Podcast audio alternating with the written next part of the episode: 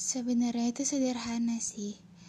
Kalau kamu sibuk, katakan kalau kamu gak mau diganggu. Ya bilang kalau kamu marah ataupun dia suka sama apa yang aku lakuin. Diomongin.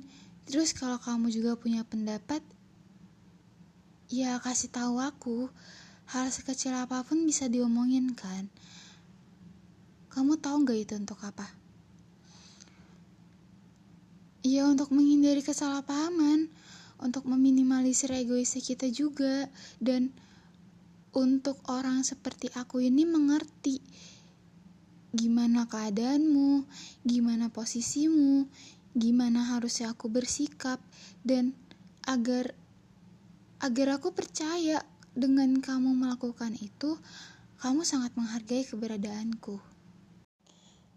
Kamu pernah cerita rasanya dikecewain dan disakitin sama orang yang disayang itu gak enak banget.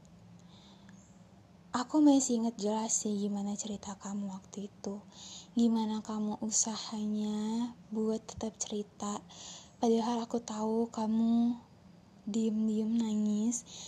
Yang akhirnya juga ngebuat aku ikutan nangis dan dari dengar cerita kamu aja aku tahu itu tuh sakit banget kan? Sampai rasanya aku tuh pengen peluk kamu terus elus kepala kamu sambil bilang it's okay ada aku di sini nggak apa-apa. Tapi kamu tahu nggak ironisnya apa kamu malah ngelakuin hal itu ke orang yang sayang sama kamu yang ikut nangis ketika mendengar cerita kamu